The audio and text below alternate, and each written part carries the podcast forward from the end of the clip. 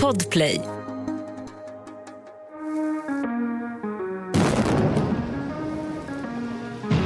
Lägg ut! Lägg ut! Lägg ut! Lägg ut!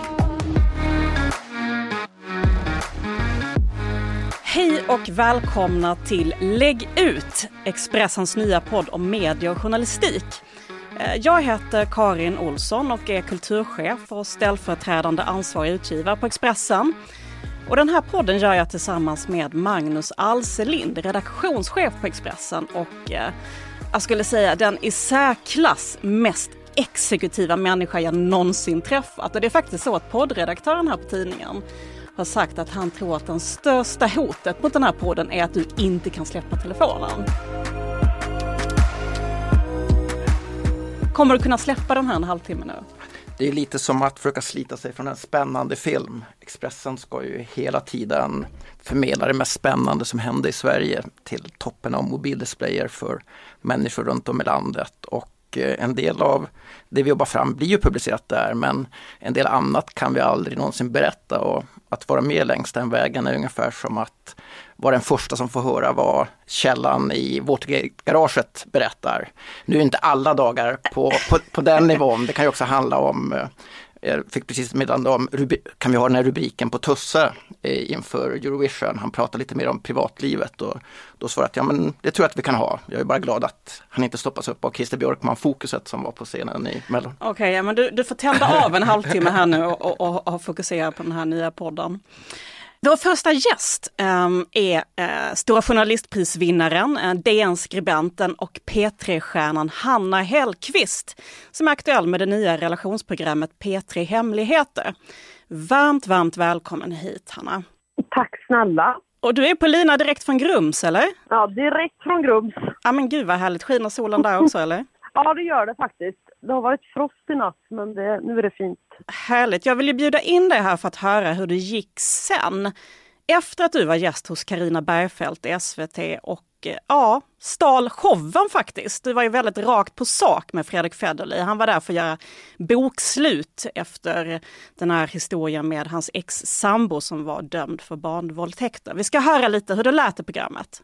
Och, och vad din fråga implicerar här, det är ju att Eh, om man är politiker så ska du vara helt fri från kantstötthet. Eh, du ska vara eh, hel och ren och du ska må bra. Och du ska framför allt inte umgås med människor som kan ha ett kriminellt förflutet eller som kan ha andra typer av problem. Men, men förlåt, det har väl inte att göra med så mycket att du är politiker? Som jag, alltså, frågan är väl mer varför ligger man med någon som har legat med barn? Alltså... Förlåt, men, jo, men det kommer ju... från två olika håll. Det vet ja. inte jag då. Du grep in flera gånger och var sådär otroligt no bullshit-mässig. Hur vågar du ställa de där frågorna eller ge de där kommentarerna? Um, ja, jag tycker inte det är så modigt, ja.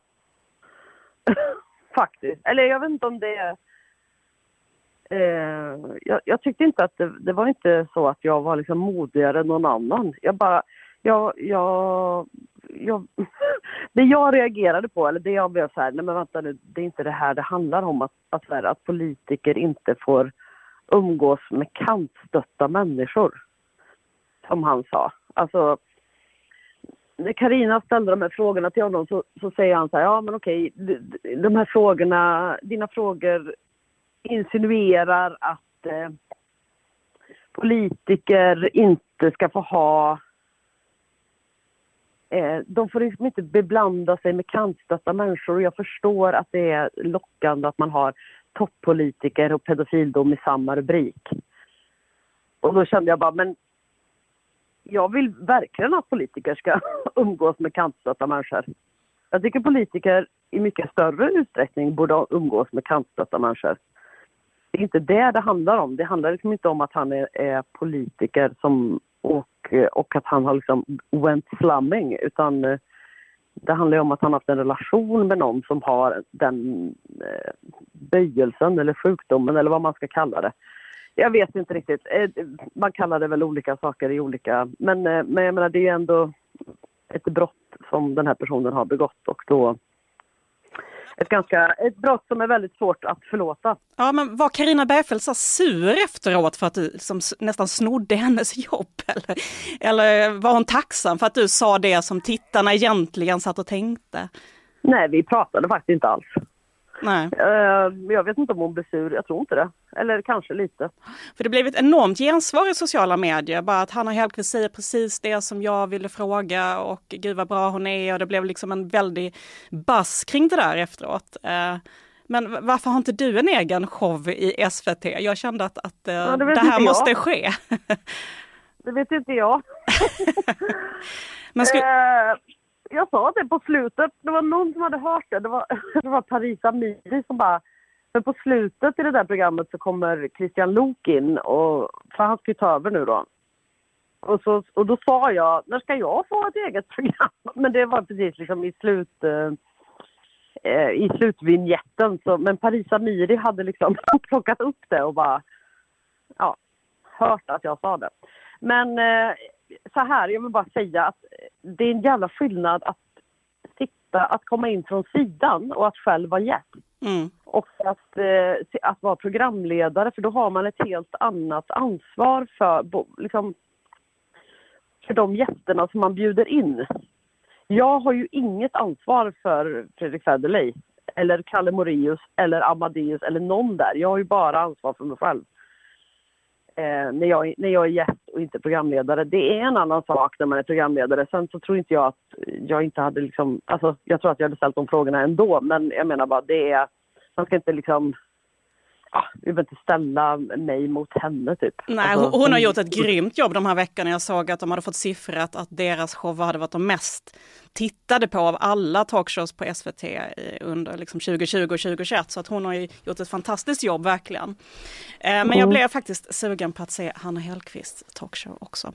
Eh, men jag såg på din Insta att du hade fått mycket så här homohat till dig efter det här. Alltså inte mycket, men det har varit några eh, det har varit det har varit några som har liksom hört av sig av fel anledning tycker jag. Alltså det, är många, det är jättemånga som har hört av sig och det har jag inga problem med och de flesta har varit jättegoda och fina liksom så att jag ska, inte, jag ska inte göra det större än vad det är. Men när jag stod ute och höll på att kratta lera runt min hönsgård så ringde det från Nya Tider.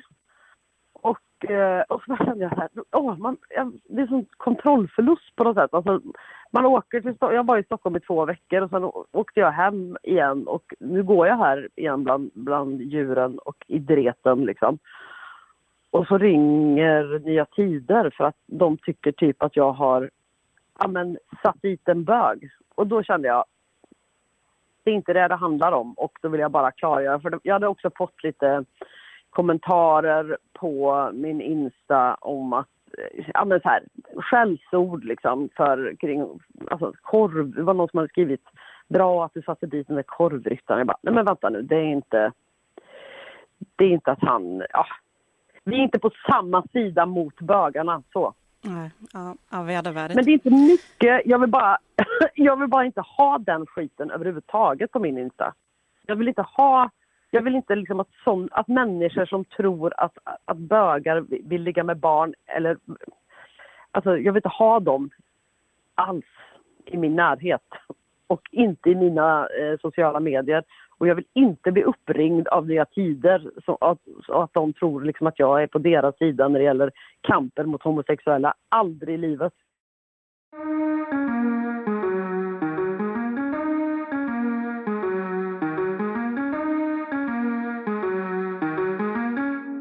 Vi ska byta ämne, för om Federley nu sökte sig till SVT för att tala ut, så gör ju många idag helt tvärtom och startar sina egna kanaler. Eh, Sverigedemokraterna har dragit igång parti-tv-kanalen Riks på Youtube som ska ägna sig åt då, citat konservativ nyhetsförmedling. Eh, och Expressen rapporterade i veckan att man också rekryterat en radikalt högerpopulistisk nederländsk programledare, Eva Vlardingerbrock, som ska göra ett program på engelska om allt elände i Sverige. Ehm, jag kan inte svära på att det där uttalet var helt korrekt, men så här låter det när hon eh, eh, ska, pratar i SDs kanal. So, since I'm new to this country, I asked around a little bit who these criminal gangs are and what actually motivates them. But so far, nobody has been able to give me a conclusive answer. In the Swedish news reports about gang violence, it's li- literally never specified who these perpetrators actually are. Turns out, surprise, surprise, it's because the Swedish police refrain from actually describing criminals in case it would maybe make them sound racist. Well, that explains a lot, doesn't it? Ja, vilket fantastiskt namn. Man tror ju nästan att det är fejkat. Eh, men jag har inte sett en lyckligare människa än vad hon är i studion här när hon talar om knivdåd, skjutningar och sprängningar och hur illa ställt det är i Sverige. Sen jag såg de här bilderna av Jimmy Åkesson på väg ner till med planet till grekiska gränsen för att dela ut flygblad kring hur, hur dåligt Sverige är och kom inte hit. Så att eh, det är en fantastisk självsäkerhet de har i det här programmet och eh, de tror ju verkligen på vad de säger och det tror jag går rakt hem i den målgrupp som de vill ha. Eh, men det här med då Sverigevänner som, som jobbade hårt för att försämra Sverigebilden. Eh, funkar den här typen av, vad ska man säga, propagandistisk nyhetsförmedling? Ja, den, ja, den har ju funkat på många andra håll. Fox News känner man ju igen i, i språket och anslaget och till och med de gnistrande eh, färgerna i, i det här programmet. Men även med New York Times och Washington Post som är ju seriösa nyhetsgranskare som verkligen riktar in sig mot en tydlig publik som vet att man kommer granska skiten ur Donald Trump under fyra år. Det blev ju en jättestor succé och båda de ökade ju sina prenumerantstockar med från jag tror en till tre miljoner och från fyra till sju miljoner under Trumps år för att man kände att här får man en garanterad leverans av det man vill ha. Kritisk Trump-rapportering och jag tror att Eh, att, nischa sig ännu hårdare är en framgångsfaktor och kan vara affärsmässigt både för tidningar och för partier. Men vad gör det här med, med den liksom politiska journalistiken? menar, Vänsterpartiet har också någon sån här grej på gång med sin egen mediekanal och eh, Ulf Kristersson han lägger ju hellre ut på, på sin Facebook, verkar det vara, än, än att ringa en, en journalist. Vad, ser du någon liksom fara här att, att vi på de stora mediehusen tappar kraft? Ja, men jag tycker det är en ganska naturlig utveckling. Handelsbanken och Avanza gör ju redan egna tv-kanaler. Och Eh, det är klart att politiska partier hänger på det här. Eh, och, men det kommer ju att pressa eh, vanliga medier att göra ett bättre jobb för att om en tidning exempelvis får en intervju med Stefan Löfven nu och bara låta honom ha sina talspunkter om vilket dåligt beslut Liberalerna har tagit utan att ställa några motfrågor eller sätta in det i sammanhang. Ja men då kan ju politiska partierna lika väl egentligen eh, ha sin egen tv-kanal och lägga ut det där så kan alla ta del av citaten om inte medier gör ett bättre jobb. Och, eh, så där behöver ju vanliga medier nischa sig. Maggie Strömberg och Torbjörn Nilsson som jobbade på Expressen här i ett par år eh, har ju verkligen utnyttjat det behovet av att sätta sak, politiska skeenden i sammanhang och uttalanden i sammanhang istället för att bara förmedla. De har gått till Svenska Dagbladet nu. Men Expressen jobbar ju vidare med de delarna och vi har till och med slagit ihop politik och samhällsredaktionen för att verkligen inte låta politiska partierna bara eh, få sina budskap förmedlade utan hela tiden sätta in i sammanhang. Så det ökar kraven på oss snarare? Ja, hela den här nischen tidigare att man får en nyhet av ett politiskt parti och blir först med den, den har ju tappat Har du också valt att bli egen? Då är det viktigt att skaffa en bra företagsförsäkring. Hos oss är alla småföretag stora och inga frågor för små. Swedeas företagsförsäkring är anpassad för mindre företag och täcker även sånt som din hemförsäkring inte täcker. Gå in på swedea.se företag och jämför själv. Hej, Ulf Kristersson här. På många sätt är det en mörk tid vi lever i.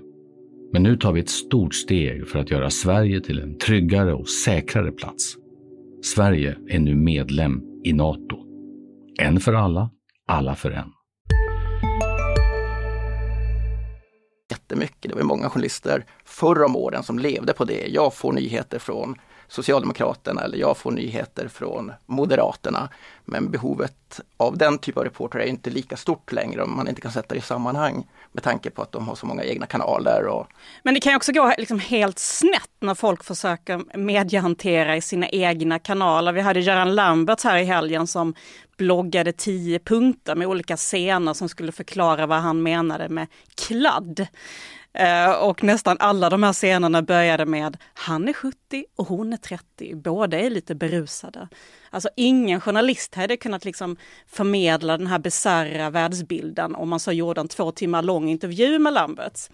Eh, vad säger du Hanna, har du tagit del av den här kladdmanualen eller? Ja, jag, ja, jag har läst den. Eh, inte, inte supernoga, men eh, jag har läst den. Det här med att försöka liksom, vara sin egen, sin egen tidning. Är det, är det en framkomlig väg för personer som Lamberts? Det är det ju inte eftersom man aldrig ställer sig de frågorna som... Man ställer ju aldrig sig själv de frågorna som andra människor vill ha svar på. Så det blir alltid, eh, det blir alltid en så konstig eh, ja, hopp efteråt. Det finns ju en anledning att, eh, att, det, finns, att det finns journalister som liksom kan fråga saker som eh, som man kanske inte själv hade tänkt på då, eh, i, beroende på vad det nu är. Alltså att man inte, man är inte så... Nej, jag tror inte på detta. Jag tror att folk gör bort sig.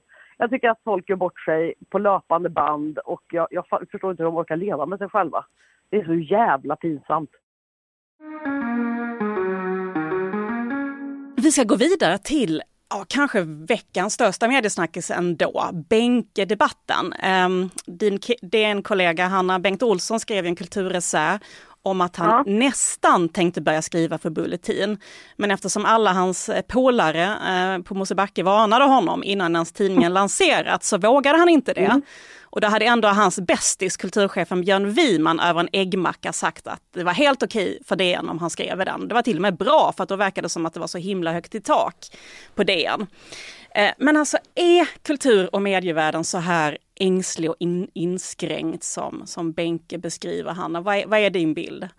Jag vet inte om... Ja, säkert. Men, men, men det kanske är snarare en fråga om jag tänkte så här när jag läste den. Eh, eh den är ganska lång, den är i DN. Det är kanske inte alla som läser den texten och tar del av hans resonemang om, om det ena och, och det andra. Liksom, det, jag tror inte, jag menar de människorna som läser hela den och, och, och får alla de eh, nyanserna, jag tror att de är mycket, mycket färre än de som eh, har Twitter och, eh, och liksom ser, jaha den följer den och så, tar man, och så drar man den slutsatser liksom kring, kring människor beroende på vilka de har jobbat med eller liksom vart de har skrivit och eh, så att ja, jag tror han har rätt på ett sätt. Det är inte alla som tar sig tid att läsa nyanserna och då kan det bli, då blir det nog väldigt enkla resonemang och då blir det också... Eh, det är ju också lite det här att, eh, att man inte ska beblanda sig med fel folk.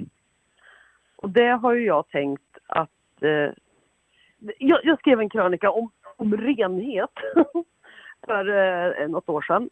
Och det, det, är lite samma sak, att man ska här, ha rena vänner, rena tankar, rena eh, arbetsrelationer, att man ska vara ren och fin och hel och bara tänka bra, bra tankar. Alltså jag, jag tror ju inte att man, att man liksom smittas av, av andra människors skit bara för att man liksom pratar med dem eller för att man överväger att, att tacka ja till ett jobb. Det blir som att man tror att man måste vara helt gå omkring i någon sån, vara en sån bubble boy och ingen får ta liksom komma innanför det där och ingen får, ingen får smutsa ner en fina karriär typ. Men alltså jag och det har jag lite ja. svårt för. Men Bengt Olsson har, har ju skrivit om den här ängsliga kulturvärlden och medievärlden i tio år. Han skrev den uppmärksammad liksom, om kulturvänstern, en text då för ett decennium sedan. Det låter som att du inte gillar Bengt Olsson. Ja, jo, jag tycker han är en fantastisk författare och en otrolig kolumnist. Uh, så att han är, men jag fattar inte varför skaffar han sig inte andra kompisar? jag är, men varför går han här och lider uh, bland de här trångsynta människorna? Nej men man, man, man lider, ja jag tror inte han lider så mycket men det är ju, det är ju en bra text. Alltså, det, det säger ju någonting. Jag, jag läste den med stor behållning. Jag, jag, Ja, jag med. Ja, Magnus, du kom tydligen att tänka på en sketch och Yrrol efter att ha läst den här texten. Eh, du kan hälsa från mig, jag känner honom mycket väl. Underbar människa. Nej men jag tänkte tvärtom, hur, hur mycket vänner eh, som Bengt Olsson har, hur han hinner gå omkring och äta de här äggmackorna med Björn Wiman när man själv stressar runt med jobb och barn och, och hinna med allt. Så att jag tyckte det var uppfriskande att läsa den. Eh, Alex Schulman som jobbar hos oss, han har ju Bengt, Bengt Olsson, heter han Bengt eller Benke? Bengt som favoritkolumnist och talar alltid om Bengt. Men jag har själv aldrig riktigt kommit in och läst Bengt. Jag känner honom mest, han har ju de här allvarligt talat programmen på Sveriges Radio varannan vecka när Liv Strömquist inte har dem och då tycker jag att, att eh, Liv verkligen sticker ut med sina mer oväntade takes kontra Bengt som är för mig, eller Benke då, som är lite mer förväntade för mig. Nyligen skrev jag också Bengt Olssons son i GP om hur jobbigt det var att vara son till Bengt Olsson eftersom man som kulturbarn och mediebarn får mycket sura recensioner för sina böcker än då andra, andra unga författare. Eh, och Bengt Olssons exfru Helena von Svigberg har skrivit en bok som heter Mitt liv som dront som skildrar skilsmässan mellan dem. Det känns nästan som att hela den här familjen är liksom, tar plats uh, på olika sätt. Är det här liksom medievärldens svar på liksom dokusåpan eller vad är det här Hanna? Du som har flyttat in till Stockholm en gång i tiden men ändå kan den här medievärlden utan och innan. Finns, alltså är folk i Grums intresserade av det här, tror du? Är folk i Grums absolut inte intresserade, men han, men han skriver ju i DN, det är ju en Stockholmstidning. Ja, det är sant. Ja. Bra svar. Så jag tror inte han skriver för folk i Grums de skiter väl, de, de, vet väl inte vem Björn Wiman är och de vet absolut inte vem Benkes son är. Och de har definitivt ingen koll på att han har skilt sig. Men, eh, men det, alltså folk i Grums ska inte vara någon jävla måttstock för vad, man ska, vad ens texter ska handla om. Men träffar du någon i Grums, Hanna? Jag läste något reportage vi hade från Grums eh, häromåret som handlade om lite konfliktytor mellan eh, ungdomar och, och eh, migranter och eh, de som tyckte att det var andras fel där och då intervjuade de någon på ICA där och frågade vad, vad gör folk på, här på kvällarna? Och då svarade hon på ICA att man gör ingenting, man handlar här på ICA, sen åker man hem och sen går man till jobbet på måndag. Är det så eller? Ja, det tror jag. Men eh, jag bor ju liksom i en stuga i skogen i Grums kommun. Så du träffar ingen? Nej, det gör jag inte. Men han hade skrivit uppmärksammade essäer både om ditt liv i Grums och i Vasastan. Eh, varifrån, vilken plats liksom, har du nyktrast blick på världen eh, när du befinner dig? Jag vet inte om man kan välja det. Jag har ju en mycket nyktrare bild på landsbygden än vad Annie Lööf har till exempel. För att jag liksom tillbringar halva min tid här men jag har också Ehm, jag är ju inte liksom så Stockholmsfixerad heller. Alltså jag är ju... Ja, jag tror att det är, alltså det måste, jag kan inte välja det. Det är inte så att jag tänker bättre tankar från Grums. Hanna, du har också haft en klassisk Vasastan-skildring som jag själv brukar säga att det är den bästa kolumnen som har skrivit de senaste åren. Åtminstone utanför Expressen här så att inte trampa någon av våra egna fantastiska kolumnister på tårna här. Men den handlade om den hårfina gränsen mellan att vara sann mot sig själv och vara ett självgott as. Eh, eh, som väl handlade åtminstone till del om Vasastan. Eh, eller det var det där om att man är absolut inte får...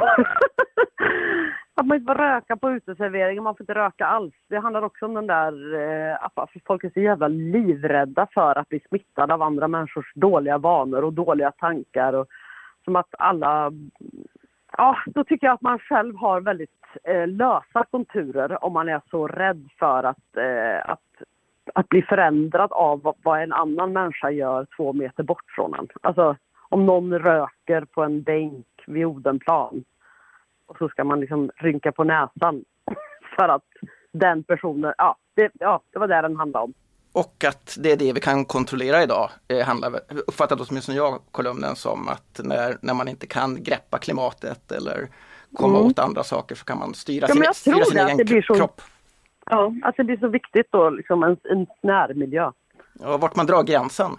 Eh, och att, eh, jag tror att du skrev det också, att eh, människors gränser har aldrig varit så hårda och tydliga som idag. Magnus, du hade ju sett en dokumentär i veckan på SVT Play som hade fått dig reflektera över den här stad-land-frågan, eller hur? Det var så roligt att komma från Göteborg och komma rätt in i Stockholm och bli bekant med Fred Åkerström och Cornelius. Jag hade aldrig trott att jag skulle bli vän med dem. För jag tänkte, de tycker nog att jag är skit alltså. Men det tyckte de inte. De tyckte att jag gjorde bra ifrån mig. Det sa de ibland. Ja, vilken fantastiskt ljuvlig människa Alf Robertson är. Eh, jag hade ingen aning. Jag visste ingenting om Alf Robertson annat än att han var en countrysångare med Göteborgs dialekt. Men eh, den här dokumentären fångade verkligen mig. Eh, Alltifrån hans livsöde, från att ha levt hemlös till att eh, när han äntligen fick framgång i varje stad åkte till ålderdomshemmet och frågade om han fick spela. Och vid något tillfälle var det då någon roddare som hade försökt sälja något kassettband efteråt och då blev ju då Alf eh, rasande. Han verkar vara en väldigt snäll människa, åtminstone det vi fick se då. Men rasande och sa att här ska inte vara någon profit. Då kan inte jag härma honom, men tänk Sven Wollter. Fast kanske inte så kommunistvurmande. Den här dokumentären heter Livet är ju som det är. Eh, och Alf Robertson har skrivit en, en klassisk låt som heter Mitt land som har en, en viss medievibb. Ja, i eftermiddagens Aftonblad och Expressen och kvällens Aktuellt i TV1. Ja, vilken fantastisk Sverigeskildring. Jag är en kran i Göteborgs Frihamn en disig morgon och jag är en kyrkbåt vid Siljans strand. Eh, och eh, när jag hörde den i SVT-dokumentären här, då tänkte jag direkt på Kents hit senaste åren här, eh, La Belle Époque. Eh, och så googlade och letade och tänkte vilken snygg blinkning av Jocke Berg till Alf Robertsson här. Men jag hittade inte någonstans att han hade creddat eh, Alf Robertsson för att han hade då stulit hela upplägget för den här. Det kanske står någonstans då. Men det var som Johan Orenius, chefredaktör på magasinet Offside, skrev till mig på Twitter tror jag det var att fantastiskt att barskrapade Alf då som levt hemlös och haft så tuffa dagar skriver den här Sverigeskildringen med, med sån kärlek och hur, hur han älskar det här. Eh, samtidigt som då superframgångsrik Jocke Berg, mångmiljonär, skriver sen så eh, 40 år senare, 30-40 år senare, så dystopiskt och så cyniskt. Ja, och med det så vill vi önska våra lyssnare glad påsk och kanske också tipsa om mina och Magnus mediekolumner som vi skriver i Expressen varje onsdag. Nu i veckan så skrev jag om tidskriften Fokus, usla val att låta ett Kina-seminarium sponsras av Huawei. Och jag berättade också om det senaste brevet som Expressen fått av den kinesiska ambassaden. Eh, I det så står det att vi borde spränga oss fria från yttrandefrihetens diktatur. Eh, men vi trivs väl rätt bra där va, Magnus? Eller vad säger du? Verkligen, där står vi kvar. Stort tack Hanna för att du gästade vår podd. Tack snälla. Ja, och vi hörs eh, nästa vecka. Hej då!